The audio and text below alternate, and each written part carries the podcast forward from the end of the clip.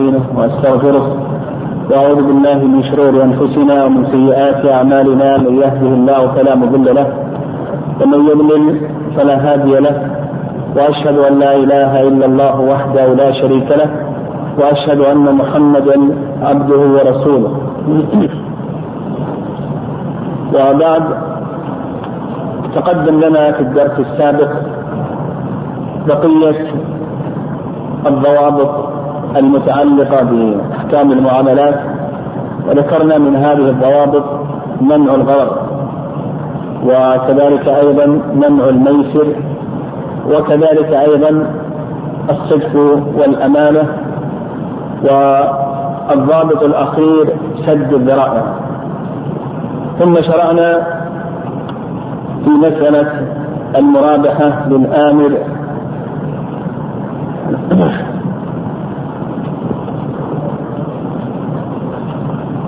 المرابحه للآمر بالشراء وذكرنا أن هذه المرابحة لها ثلاث صور. ذكرنا الصورة الأولى. الصورة الأولى هي ما تبنى على المواعدة الملزمة أن يكون هناك مواعدة ملزمة بين العميل وبين المصرف فيتفق العميل مع المصرف على أنه ملتزم بشراء هذه السلعة إذا اشتراها إذا اشتراها المصرف له. فيقوم المصرف بشراء السيارة أو غير ذلك من السلع للعميل. والعميل ملتزم بشرائها. مع قدر من الربح. وذكرنا أن أهل العلم رحمهم الله اختلفوا في هذه المسألة على رأيين. الرأي الأول وهو قول جمهور أهل العلم رحمهم الله جمهور المتأخرين على أن هذه المعاملة محرمة ولا تجوز. واستدلوا على ذلك بأدلة من هذه الأدلة عمومات الأدلة التي تنهى عن أن يبيع الإنسان ما لا يملك. وكذلك أيضا من هذه الأدلة عمومات الأدلة على نهي الإنسان أن يبيع شيئا قبل أن يقبضه. وكذلك أيضا من أدلتهم قالوا بأن حقيقة هذه المعاملة هي بيع نقد بنقد أكثر منه مؤجل. فهي تشتمل على ربا الفضل وربا النسيئة فربا الفضل لوجود التأجيل بين النقدين وربا النسيئة ربا الفضل لوجود الزيادة.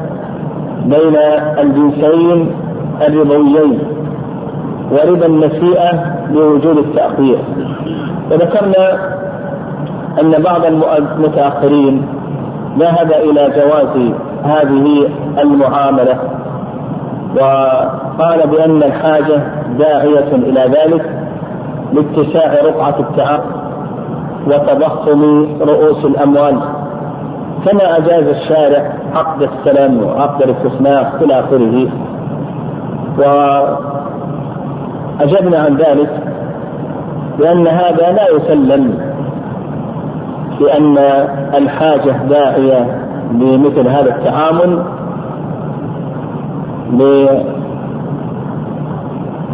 لوجود لوجود المخرج الشرعي كما في الصورة الثانية على القول بجوازها الذين قالوا قال جمهور أهل العلم قالوا بتحريمها قالوا أن الحاجة ليست داعية إذ بإمكان إذ بالإمكان آه، أن يصار إلى الصورة الثانية كما سيأتي إن شاء الله. الصورة الثانية من صور بيع المرابحة للآمر بالشراء وهي ما يبنى على المواعدة غير الملزمة بين الطرفين. وهذه الصورة يقسمها العلماء رحمهم الله إلى قسمين. القسم الأول أن يكون هناك ذكر مقدم للربح. والقسم الثاني أن لا يكون هناك ذكر مقدم للربح. بعض العلماء يجعلها صورتين وبعض العلماء يجعلها ثلاث صور. فيقول لك الصورة الأولى المواعدة بين الطرفين غير الملزمة مع عدم ذكر مقدام الربح. الصورة الثانية المواعدة بين الطرفين وبين العميل والمصرف مع ذكر قدم للربح الصورة الثانية وهي ما تبنى على المواعدة غير الملزمة بين العميل وبين المصرف. مثالها يأتي العميل إلى المصرف إلى البنك ويطلب منه والغالب أن العميل الذي يأتي إلى البنك إنما يريد قرضا لا يريد السلعة وإنما يريد الدراهم فيأتي إلى المصرف ويتفق مع المصرف على أن يبحث العميل عن سلعة. والغالب أن هذه السلعة تكون سيارة. فيبحث العميل عن السلعة فيقوم المصرف بشراء هذه السلعة. والمصرف غالبا أو دائما يكون واجبا. فيشري هذه السلعة بنقص بدراهم حاضرة ثم بعد ذلك يقوم ببيعها على العميل بثمن مؤجل. فالمصرف يشتري هذه السيارة مثلا بخمسين ألف ريال ثم بعد ذلك يقوم ببيعها على العميل بثمن مؤجل بستين ألف ريال أو بثمانين ألف ريال حسب ما يتفقان عليه. هذه هي الصورة الثانية وهي ما يبنى على المواعدة غير الملزمة بين الطرفين العميل والمصرف. فالعميل يأتي ويأمر المصرف بأن يشتري له هذه السلعة ويقوم المصرف بشراء هذه السلعة بثمن حاضر ثم يقوم ببيعها للعميل بثمن مؤجل دون أن يكون هناك التزام يعني دون أن يكون هناك إلزام من المصرف للعميل بشراء هذه السلعة. هذه المسألة أو هذه الصورة تكلم عليها العلماء في القديم والشافعي رحمه الله تكلم عليها في كتاب الأم. ونقلت لنا نص الشافعي من الأم. يقول الشافعي رحمه الله في الأم إذا أرى الرجل السلعة إذا أرى الرجل السلعة فقال اشترها وأربحك فيها كذا. فاشتراها الرجل فالشراء جائز. يقول الشافعي رحمه الله إذا أرى الرجل السلعة فقال اشترها. وأربحك فيها فاشترى الرجل فالشراء جائز. والذي قال أربحك يعني الآمر بالشراء وهو العميل كما في صورتنا. والذي قال أربحك أربحك فيها بالخيار إن شاء أحدث فيها بيعا وإن شاء تركه. ثم قال وهكذا إن قال اشتر لي متاعا ووصفه له فكل هذا سواء. يعني أن الشافعي رحمه الله يرى جواز مثل هذه الصورة لو قال اذهب واشتر لي هذه السلعة وأنا أربحك فيها. أشتريها منك بربح وما ما معه دراهم لكن يشتريها بثمن مؤجل لأنه لو كان معه دراهم ما قال اشتر لي هذه السلعة إنما اشتراها هو بنفسه. فيأمر هذا الشخص أن يشتري له هذه السلعة أو يصف له سلعة أن يشتري له ثم بعد ذلك يقوم بشرائها منه بثمن مؤجل ويربحه في ذلك. وهذه أيضا نص عليها الحنفية. فابن عابدين رحمه الله في حاشيته على رد المحتار نص على هذه الحنفية نص عليها وأنها جائزة. وكذلك أيضا المالكية بن رشد رحمه الله. نص على جوازها ويذكرها المالكية رحمهم الله تحت مباحث بيع العينة. آه، وكذلك أيضا ابن القيم رحمه الله تعالى نص عليها في إعلام الموقعين. يعني ابن القيم نص عليها في إعلام الموقعين. فمذهب الحنفية المالكية والشافعية وأكثر المتأخرين. حتى أني قرأت لي قرأت كلام لرفيق المصري وهو من بحث في هذه المسألة. فقال ليس فيها خلاف معتبر. يقول هذه المسألة ليس فيها خلاف معتبر. يعني أن أكثر المتأخرين أكثر الآن المجامع الفقهية ذهبت إلى جواز مثل هذه المعاملة. ما دام أنه لم يكن هناك إلزام لأنه إذا لم يكن هناك إلزام انتفت المحاذير التي ذكرها الجمهور في الصورة الأولى إذا كان هناك إلزام.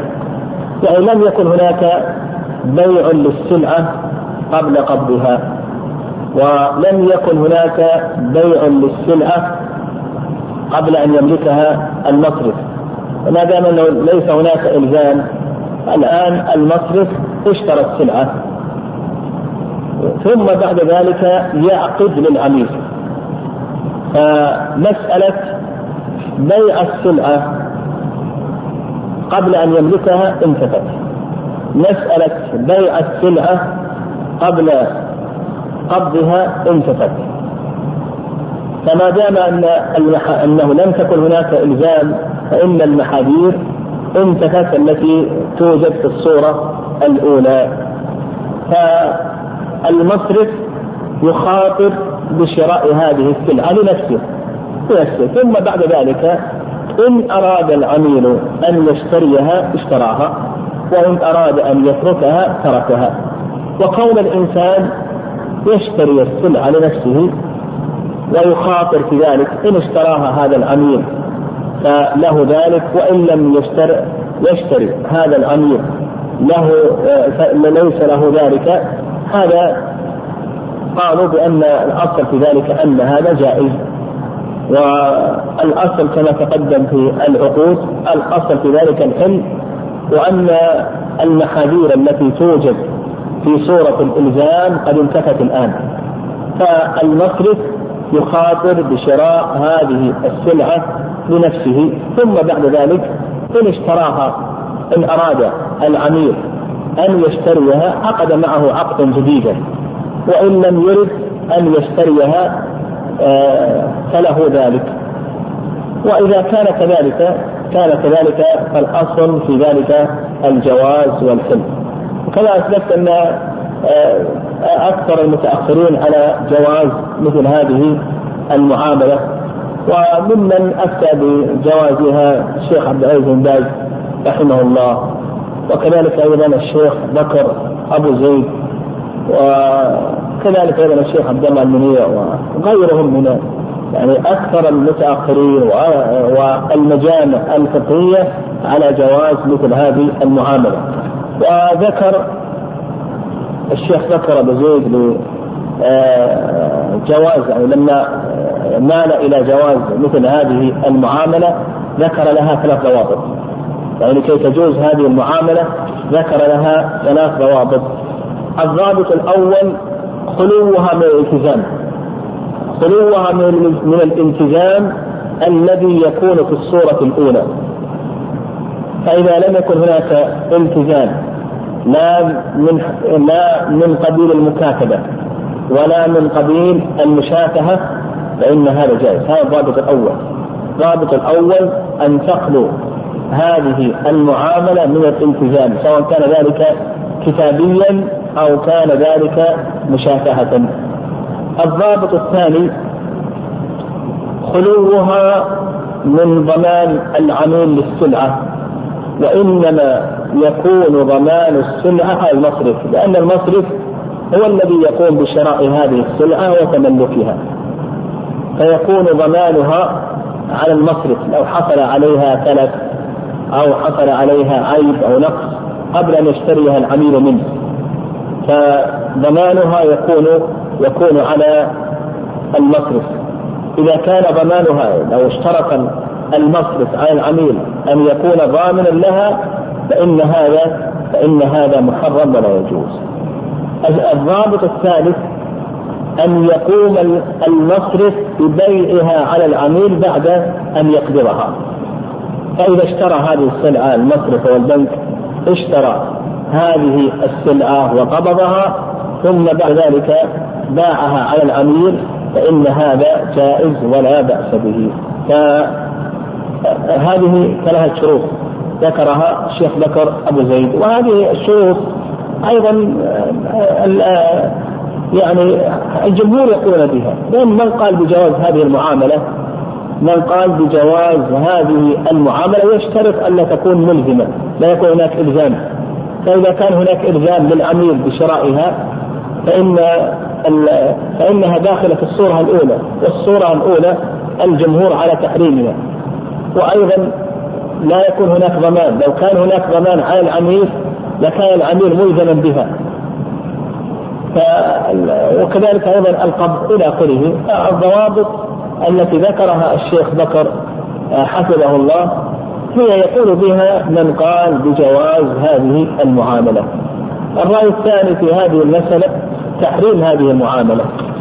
حتى وإن لم يكن هناك إلزام.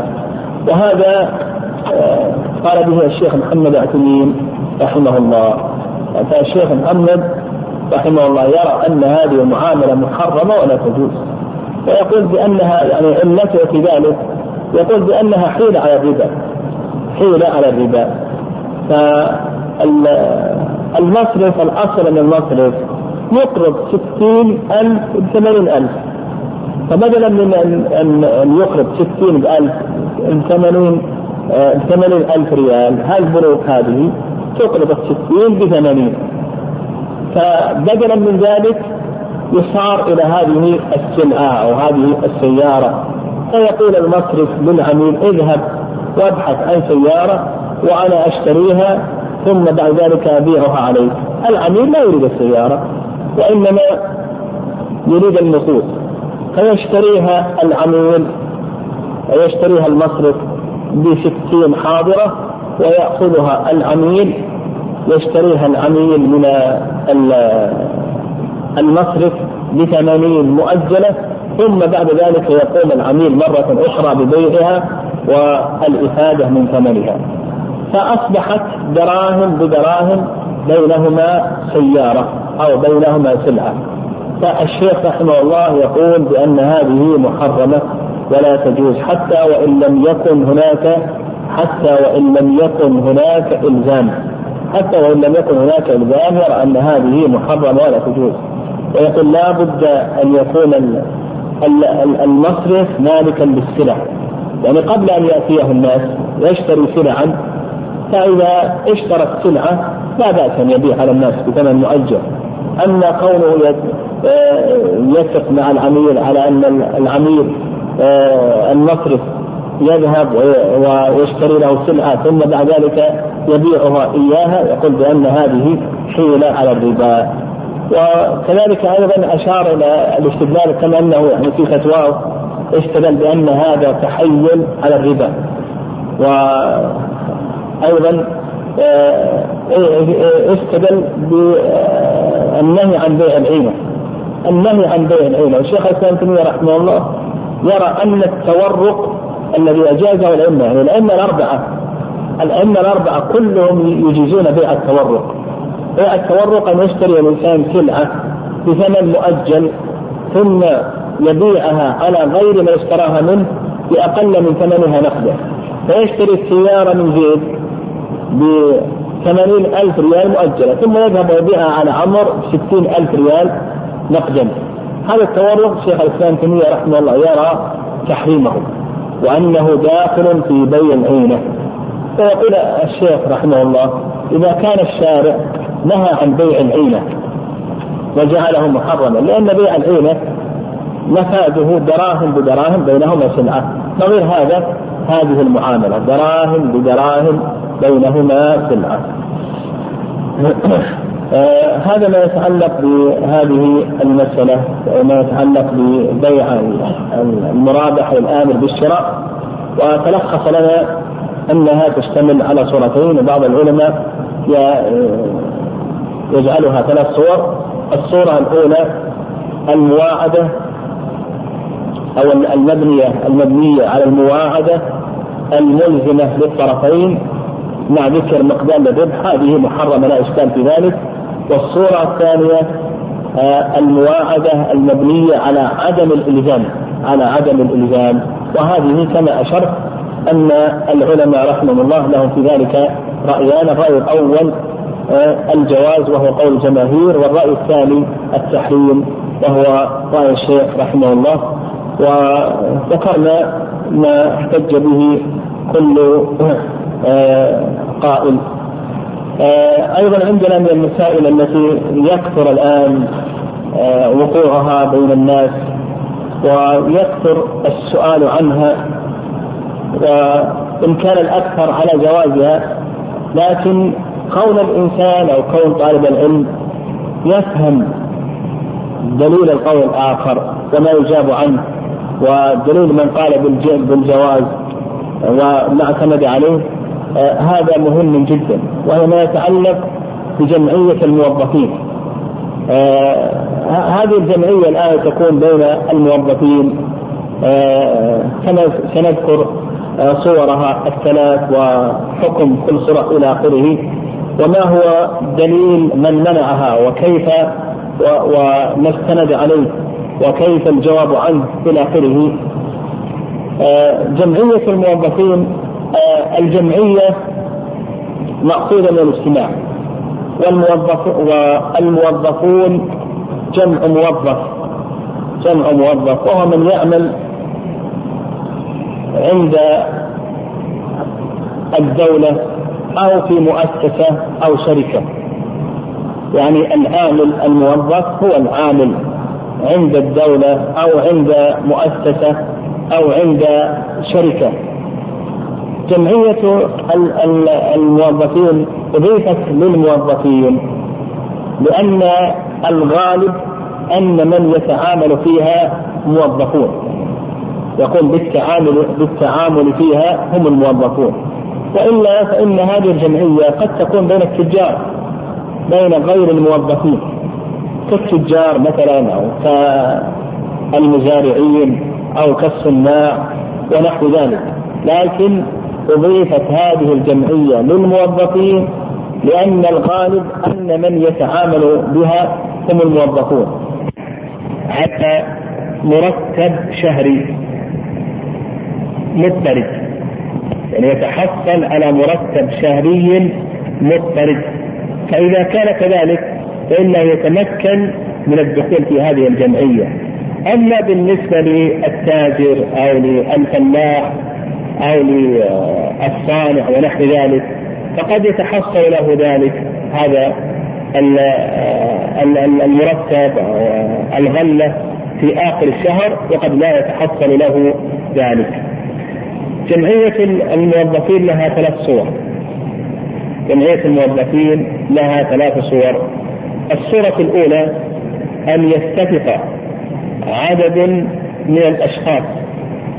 على أن يدفع كل واحد منهم مبلغا من المال متساويا عند نهاية كل شهر كل شهرين أو كل سنة حسب ما يتفقان عليه. نقول الصورة الأولى أن يتفق عدد من الأشخاص على أن يدفع كل واحد منهم مبلغا من المال. مبلغا من المال متساويا. عند نهاية كل شهر أو كل شهرين أو كل ثلاثة أشهر إلى آخره. هذه الصورة الأولى. الصورة الثانية الصورة الثانية. أن يتفق عدد من الأشخاص على أن يدفع كل واحد منهم مبلغا من المال متساويا عند نهاية كل شهر أو شهرين إلى آخره مع اشتراط مع اشتراط ألا ينسحب أحد منهم حتى تنتهي الدورة. يعني يكونون خمسة أو عشرة حتى يدور عليهم العقد هذه الصورة الثانية. الصورة الثالثة كالصورة الثانية.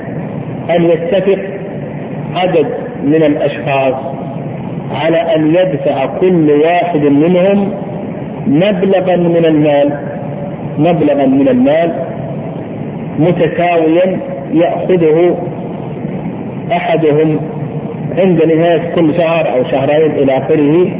حتى تنتهي دورتان أو ثلاث أو أربع. يعني يزيدون. يزيدون دورة ثانية أو ثالثة أو رابعة إلى آخره. بالنسبة لحكم الصورة الأولى يعني حكم الصورة الأولى. هذه الصورة أشار إليها العلماء رحمهم الله. وممن أشار إليها أبو زرع أبو زرعة الرازي. أبو زرعة الرازي ومن أئمة المحدثين. يعني أشار إلى هذه الرأي وأشار إلى جوازها. يعني أشار إليها. لما وجدت هذه الصورة الآن وكثرت في أيدي الناس تعامل الناس فيها اختلف فيها المتأخرون. المتأخرون اختلفوا في جوازها. هل هي جائزة أو ليست جائزة؟ إلى آخره على قولين. القول الأول القول الأول أنها أن هذه المعاملة جائزة. ولا بأس بها. وهذا قال به أكثر المتأخرين. وممن قال به من المتأخرين الشيخ عبد العزيز بن باز رحمه الله. و كان الشيخ رحمه الله أذكر أن الشيخ محمد يقول كان الشيخ يرى التحريم ثم راجعته فيها ثم رجع إلى الجواز. فالقول الأول القول الأول أن هذه جائزة وممن قال به الشيخ عبد العزيز بن باز رحمه الله. كذلك أيضا الشيخ محمد وقد انتصر لها كثيرا. وفي بعض كلامه أنها من الأعمال المندوبة أنه مندوب إليها. آه لما سيأتي أنها تفك حاجات المحتاجين وأنها تغني كثيرا من الناس عن الالتجاء إلى البنوك الربوية وغير ذلك. آه ولما فيها من التعاون على البر والتقوى. آه وكذلك أيضا الشيخ عبد الله بن جبريل وغالب أعضاء هيئة كبار العلماء في المملكة يرون أن هذه المعاملة جائزة ولا بأس بها. الرأي الثاني الرأي الثاني أن هذه محرمة ولا تجوز وممن اشهر من قال بهذا الشيخ صاحب فوزان وكذلك أيضا الشيخ عبد العزيز آل الشيخ مفتي المملكة الآن فهذا القول يقول بأنها محرمة ولا تجوز. لكل دليل يعني لكل دليل اما رأي الجمهور الذين قالوا بأنها جائزة ولا بأس بها استدلوا قالوا بأن هذا العقد أن هذا العقد من العقود التي جاءت الشريعة بجوازه. هذا العقد من العقود التي جاءت الشريعة بجوازه لأن حقيقة هذا العقد هو قرض فيه إرفاق. يكون حقيقة هذا العقد هو قرض فيه إرفاق بالمقترض حيث أن المقترض يأخذ القرض ويرد مثله ولا زيادة عليه. يعني هو ياخذ مثلا 1000 ريال أو 2000 أو 5000 ريال ثم يرد هذه الخمسة وليس هناك زيادة وأن مساله كل قرض جر نفعا هذا سيأتي ما المراد بالقرض الذي جر نفعا؟ هذا سيأتي الضوابط التي ذكرها العلماء رحمهم الله للقرض الذي جر نفعا الذي يتمسك به من قال بالتحريم. فهم يقولون بأن هذه المعاملة معاملة شرعية جاءت بها الشريعة حيث أنها قرض فيه إرفاق بالمقترض حيث أنه يأخذ هذا المال وينتفع به ويرد مثله دون زيادة على المقترض. ليس هناك زيادة على المقترض فهذا قرض لا يخرج عن القرض المعتاد. هذا قرض لا يخرج عن القرض المعتاد إلا أن الفرق بينه وبين القرض المعتاد يقول الفرق بينه وبين القرض المعتاد أن أن أن, أن الإقراض في الجمعية يشترك فيه أكثر من شخص والقرض المعتاد يكون بين شخص وآخر. يقول هذا مؤدى الجمعية هذه أنها قرض معتاد والقرض المعتاد جاءت الشريعة بجوازه. والفرق بينه وبين بقية القروض أنه قرض يكون بين أكثر من شخص. في الجمعية يشترك عدة أشخاص في كل منهم يقري الآخر. وأما القرض المعتاد الغالب فإنه يكون بين اثنين. ففيه إرفاق في المقترض. حيث إن المقترض لا عليه ليس عليه زيادة وإنما يأخذ هذا المال ويرد بدله. كذلك أيضا استدلوا بالأصل؟ وأن الأصل في مثل هذه الأشياء الحلم خاصة في المعاملات الحلم. قد ذكرنا هذا في الضابط الأول من الضوابط التي تدور عليها المعاملات. وكذلك أيضا استدلوا قالوا بأن في هذا تعاونا على البر والتقوى. فمثل هذه الجمعية طريق لسد حاجة المحتاجين وإعانة لهم عن البعد عن البنوك الربوية والمعاملات المحرمة كالربا ونحو ذلك. آه كذلك أيضا استدلوا بأن المنفعة التي تحصل للمقرض في هذه الجمعية لا تنقص المقترض. يعني أن قد يقال بأن المقرض قد انتفع لكنهم يقولون يعني يحتجون بأن المقرض وإن حصل له شيء من الانتفاع إلا أن هذه المنفعة لا تنقص المقترف يعني ولا يحصل له ضرر. لا تنقص المقترف شيء من ماله. ولا يحصل له ضرر. بل الانتفاع متبادل. الانتفاع متبادل بين المقرف والمقترف. كل منهم ينفع الآخر. مع أنه سيأتينا إن شاء الله. يأتينا إن شاء الله ما المراد بالمنفعة التي هي ربا نص عليها الصحابة رضي الله تعالى عنهم. ما ما هو المراد بالمنفعة؟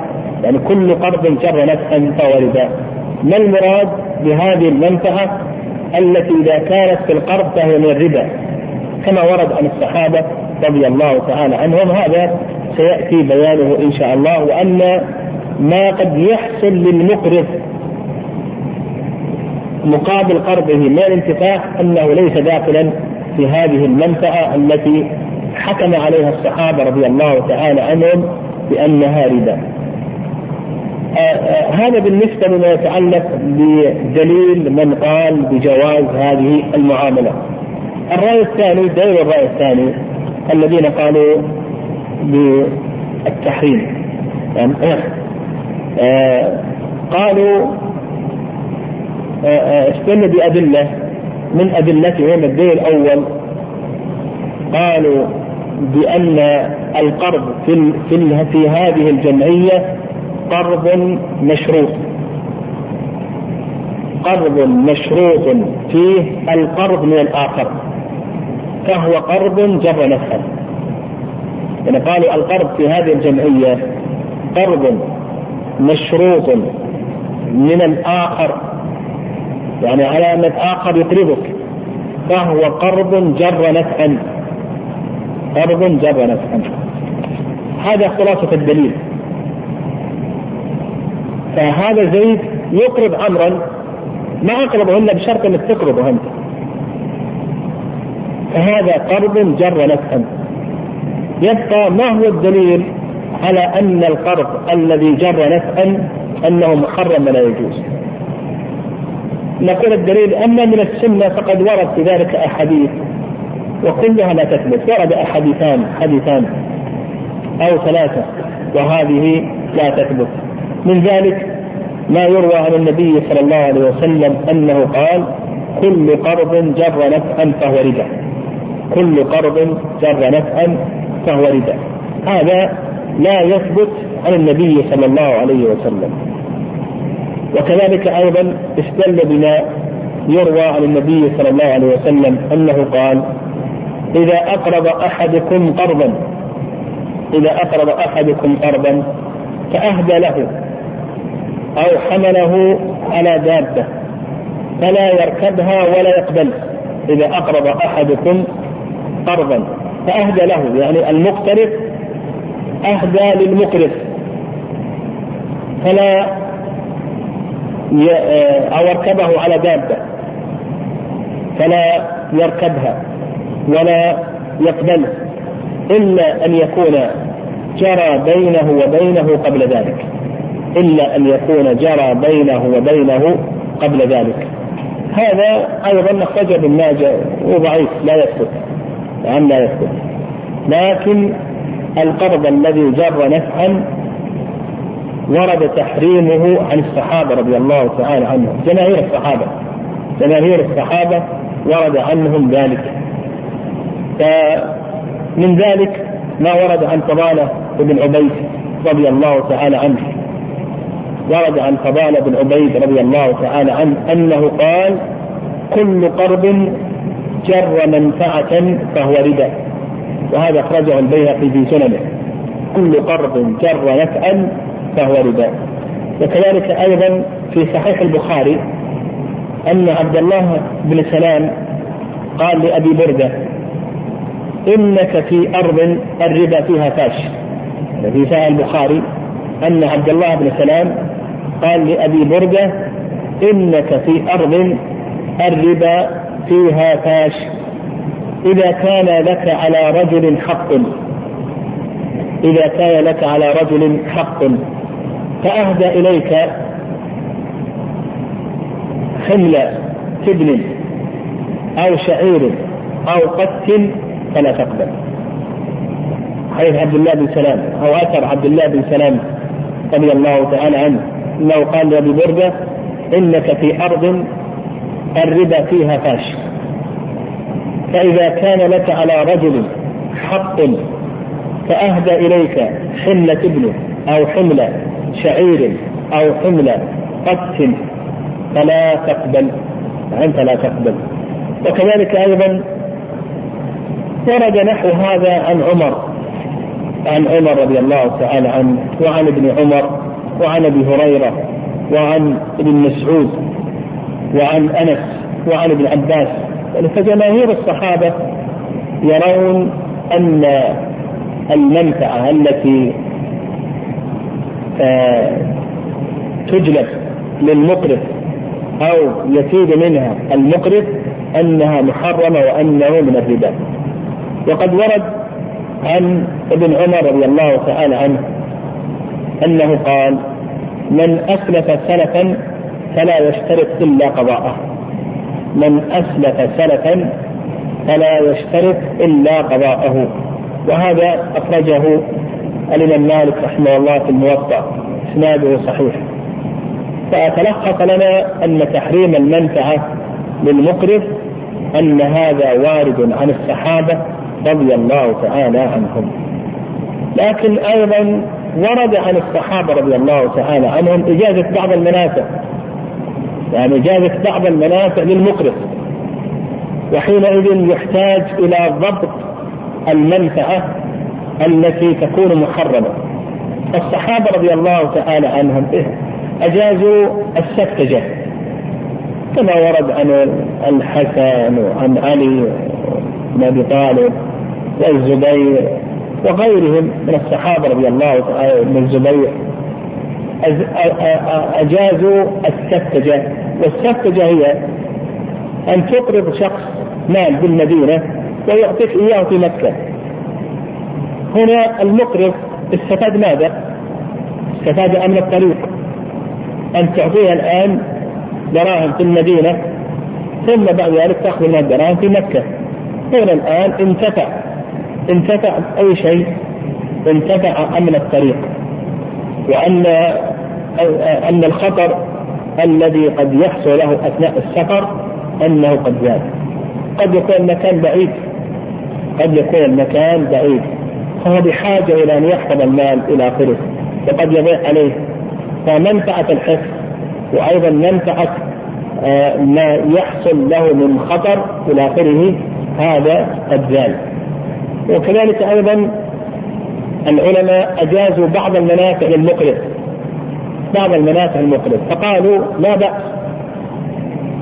إن الشخص يقرض فلاحه دراهم لكي يقوم الفلاح بشراء الآلات والبذور ويعمل في أرض المقرض. يعني أنت مثلا ساقيت زيد من الناس أو زارعته على أن يعمل في أرضك. هذا العامل ما عنده دراهم فأنت لا بأس أنك تقرضه تقرضه ويقوم بالعمل يقوم بالعمل في أرضك. في أرضك. مع أنك أنت تستفيد الآن. تستفيد الآن. أو مثلا تقرضه ويقوم العمل في بيتك. أنت الآن تستفيد. فهذه هذا القرض أجازه العلماء رحمهم الله تعالى. شيخ الإسلام أيضا قال أنه لا بأس أن يقول الفلاح الفلاح اعمل معي واعمل معك. اعمل معي واعمل معك. أنت اعمل معي اليوم في حصاد الزرع أو جذاذ النخل وأنا أعمل معك غدا في حصاد الزرع أو جذاذ النخل. وحينئذ يكون القرض المحرم أو المنفعة التي تكون محرمة إذا آه، إذا أفادها المقرض. ما شمل أمرين. كما يؤخذ من أثار الصحابة رضي الله تعالى عنهم.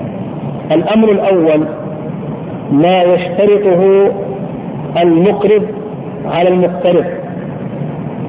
وليس له مقابل سوى القرض الأمر الأول ما يشترطه المقرض على المقترض وليس له مقابل سوى القرض فهذه من المنفعه المحرمة. مثلا يقول اقرضك الف ريال بشرط أنك تعطيني سيارة تستعمل لمدة يوم أو يومين. هنا الآن منفعه محرمة منفعه محرمة. المقرض استفاد. المقرض استفاد انه ينتفع بهذه السيارة. المقترض ما ما استفاد شيء. استفاد القرض والقرض سيرده. يعني هو استفاد الآن القرض والقرض أيضا سيرده. فحينئذ يعني حينئذ كونه يشترط عليه يعني يشترط عليه يقول بشرط إنك تعطيني سيارة تستعمله أو بشرط إنك تبيع على بيتك. كل هذه انتفع فيها انتفع فيها من المقرض. أما المقترض ما ينتفع شيء إلا القرض والقرض سيرده سيرده على المقرض. فالضابط الأول للمنفعة المحرمة في القرض هي ما يشترطه المقرض على المقترض. ولا ينتفع المقترض إلا فقط بالقرض. ليس له منفعة أخرى. في الجمعية لا يوجد هذا. في الجمعية المقرض ينتفع والمقترض ينتفع. المقرض ينتفع يأخذ الدراهم والمقترض أيضا ينتفع يأخذ دراهم المقرض. فكل منهما ينتفع. أما هنا إذا قال بشرط انك تبيع على بيتك بشرط إنك تعطيني زيادة 100 ريال بشرط إنك تعطيني هدية بشرط إنك أستعمل سيارك أستعمل بيتك إلى آخره. هذا داخل في القرض المحرم آه، المنفعة المحرمة في القرض. ويدل لهذا أيضا قول النبي صلى الله عليه وسلم لا يحل سلف وبيع ولا شرطان في بيع. هنا سلف في بيع يقول أقرضت بشرط تبيع علي. يعني أقرضت هنا الانتفاع إنما حصل بمن حصل للمقرض يعني أما المقترض فإنه لم يحصل له إلا القرض والقرض سيرده هذا هذا الضابط الأول. الضابط الثاني يعني الضابط الثاني ما يقدمه المقترض للمقرض بسبب القرض. وهذا يدل له أثر عبد الله بن سلام. ما يقدمه المقرض ما يقدمه المقترض للمقرض بسبب القرض. أنت أعطيت زيد من الناس ألف ريال قرض. بعد يوم يومين جاب لك هدية. ما يجوز أن تقبل هذه الهدية لأنه إنما أعطاك الهدية هذه لأي شيء لأجل قرض. أعطاك هذه الهدية لأجل قرض. ولهذا العلماء رحمهم الله يقولون إذا كان بينهما مهادات يعني هم أقارب. أنت سلفت قريبك ألف ريال أو مئة ألف ريال. وقريبك بينكما مهادات أو صديقك بينكما مهادات تعطيه ويعطيك. هذا ليس داخل في النهي. لكن إذا عرفنا أن هذه الهدية إنما أعطاك إياها المقرض من أجل أعطى إياها المقترض من أجل القرض فهذه المنفعة المحرمة في القرض. فكونك تقرضه ألف ريال لا بد أنك آه، تقرضه ألف ريال ثم بعد ذلك يعطيك آه، هدية اتفاق إلى آخره. هذا لا يجوز لك أن تقبله كما ورد عن عبد الله بن سلام رضي الله تعالى عنه. لا يجوز إلا إذا أردت أن تكافئ أو تقسم ذلك أو تقسم ذلك من القرض. يعني تقبل الكتاب بشرط تقسم كان كم قيمته؟ قيمته 10 ريالات تقسم 10 ريالات. ولهذا العلماء رحمه الله بالنسبة للهدية بالنسبة للهدية في القرض الهدية في القرض. الهدية في القرض قسمها العلماء رحمهم الله إلى قسمين القسم الأول أن يكون ذلك بعد الوفاة. فهذا لا بأس. لا بأس. بل استحبه بعض العلماء رحمهم الله. الهدية بعد الوفاة لا بأس. زيد أقرضك ألف ريال جيت بتوصي له أعطيته ألف ومية أو أعطيته ألف ثوب هدية له. مقابل لمعروفه وإحسانه فإن هذا لا بأس به لأن العقد انتهى الآن. عقد القرض انتهى. والنبي صلى الله عليه وسلم يقول خيركم أحسنكم قضاء. واستقرض النبي عليه الصلاة والسلام بكرا ورد خيرا منه رباعيا والصواب أيضا أنه لا فرق بين الزيادة سواء كانت الزيادة في الكيفية أو كانت الزيادة في الكميه لأن بعض العلماء يجوز الكيفية ولا يجوز الكمية. يعني يقول لك يجوز إنك تعطيه آه، أقربك بر متوسط تعطيه بر جيد يقول هذا جيد لكن في الكيفية أعطاك ألف ريال ما تعطيها 1100 أما الصواب أن هذا كله جائز.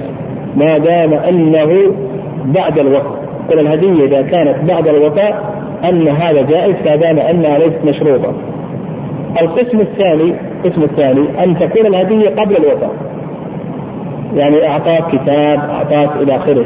فإذا كان ذلك بسبب القرض فلا بد أن تمتنع أو تحسب ذلك من القرض أو تكافئه. يعني إذا كانت الهدية آه، إذا كانت الهدية قبل الوقت فلا بد أن تمتنع ما تقبل. أو أنك آه، تخصم ذلك من القرض أو أنك تكافئه. أما إذا كانت الهدية بغير سبب القرض بينكم مهاداة لقرابة أو صداقة ونحو ذلك فإن هذا لا بأس به. وأيضا أدخل بعض العلماء الدعوات العامة يعني دعاة لزواج أو لمناسبة عامة إلى آخره. هذا ليس بسبب القرض الدعوة هذه وإنما حصلت هذه حصلت آه آه هذه المناسبة تبعات لم يعمل لك طعاما خاصا بسبب بسبب القرض. المهم يتلخص لنا أن المنفعة المحرمة في القرض هي ما اشتملت على هذين الضابطين وحينئذ نعرف نعرف أن الاقتراء أن المنفعة التي تحصل للمقرض في في مسألة الجمعية هذه ليست داخلة. كل منهما ينفتح. ولهذا العلماء رحمه الله كما ذكر أنه إذا أهدى يقابله بالهدية. يقابله بالهدية فيكون الانتفاع لكل منهما. تكمل هذا إن شاء الله.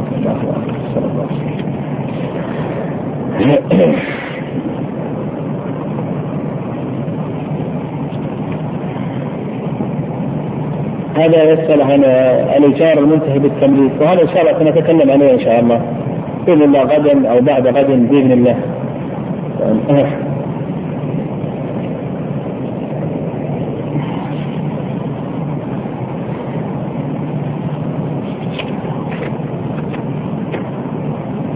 يقول رجل جمع صلاة العصر مع صلاة الجمعة وهو مسافر عدة مرات فكان جاهلا بأنه لا يجوز جمعها مع صلاة الجمعة. فهل يلزمه لهذا؟ هذه جمع الجمعة مع جمع العصر مع الجمعة. هذا موضع خلاف بعض أهل العلم يجوز ذلك وبعض أهل العلم يمنع من ذلك. والشيخ محمد رحمه الله كان يمنع من هذه المسألة. ويقول بأن الجمعة لها خصائص. الجامع إنما ورد في صلاة الظهر. والجمعة لها خصائص ليست ظهرا. الجمعة ليست ظهرا وليست آه ليست ظهرا مقصورة وإنما هي صلاة مستقلة لها خصائصها وابن القيم رحمه الله ذكر كثيرا من خصائص الجمعة في كتاب زاد المستقنع. والسيوطي رحمه الله أضاف على هذه الخصائص وأبلغها مئة خصيصة وله رسالة في ذلك اسمها اللمعة في خصائص الجمعة وذكر فيها ما يقرب من مئة خصيصة. فدل ذلك على أن الجمعة أنها صلاة مستقلة ليست ظهرا مقصورة وليست بدلا من الظهر. فإذا كان كذلك فالأحوط أن الإنسان لا يجمع الجمعة أو العصر. مع الجمعة. يعني إذا صلى مع الناس الجمعة لا يجمع العصر لأن صلاة مستقلة. لكن لو أنه لم يصلي مع الناس هو في الطريق وصلى الظهر. إذا لم يصلي مع الناس سائر في الطريق ليس في المدن وصلى الظهر ركعتين فإنه يجمع معها العصر. لكن كونه يصلي مع الناس الجمعة آه آه ثم بعد ذلك يجمع معها العصر لأن أحوط إنسان أنه لا يجمع وإذا جمع فإنه يعيد آه آه يقول أيضا بالنسبة للأسهم أيضا. إن شاء الله سنخصص درس بما يتعلق بالأسهم بإذن الله بعد أحكامها إن شاء الله.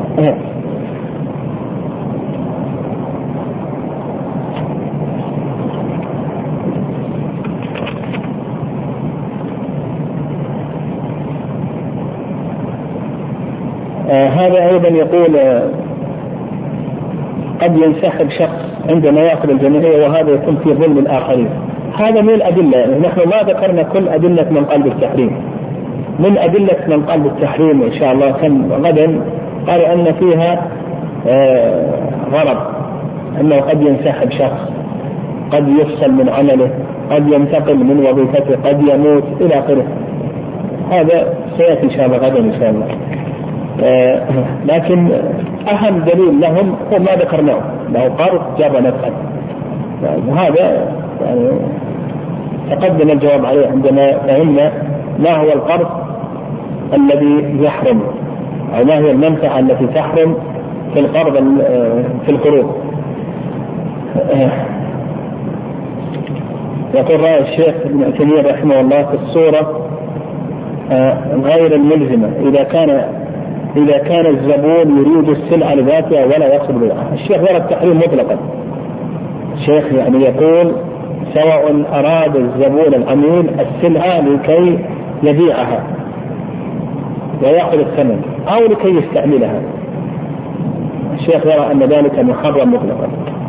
وشيخ الإسلام تيمية رحمه الله يعني يعني كأنه يشير إلى التفريق يعني كأنه يشير يعني كأن فيه إشارة يعني في كلامه يحتاج إلى إعادة قراءة مرة أخرى أنه يفرق بين المسألتين يفرق بين مسألة آه، العميل إذا أراد السلعة لأجل الدراهم وإذا أرادها لكي يستعملها.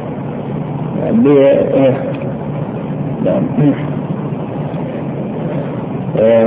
يقول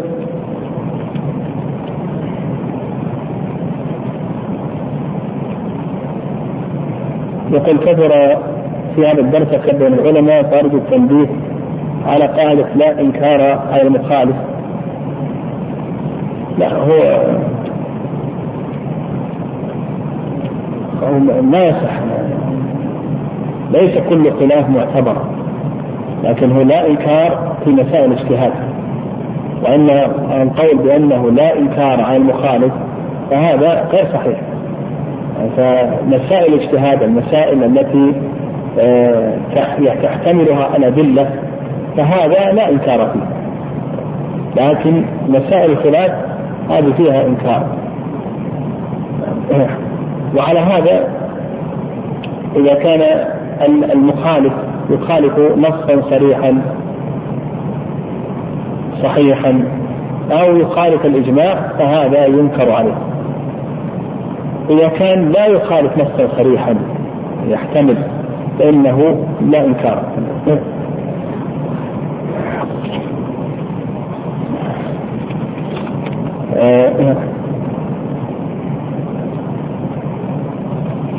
يقول في مسألة السفتجة كيف يستدل بها في وقت حاضر لوجود المصارف وغيرها حيث أن المقترض لم يسكن حفظها أو أمن الطريق. يعني ما فهمت السؤال هذا.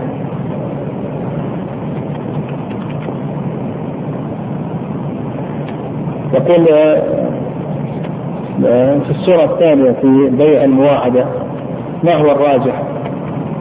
هو يعني يظهر والله أعلم أن الأحوط الإنسان والابرأ أن يترك التعامل إلا إذا كان المصرف مالكا للسلعة فاذا كان مالك السلعة وقبضها لأن ما ذكر الشيخ رحمه الله من الناس تحيل على الربا يعني هذا قول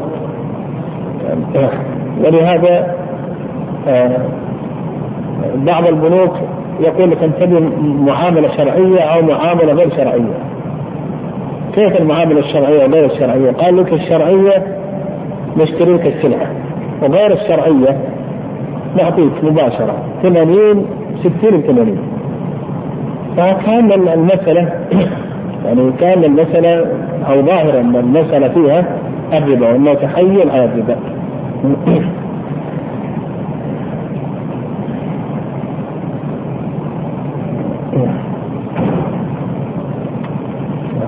هذا أيضا بالنسبة لنسخ الدروس. أنا مستعد. يا الله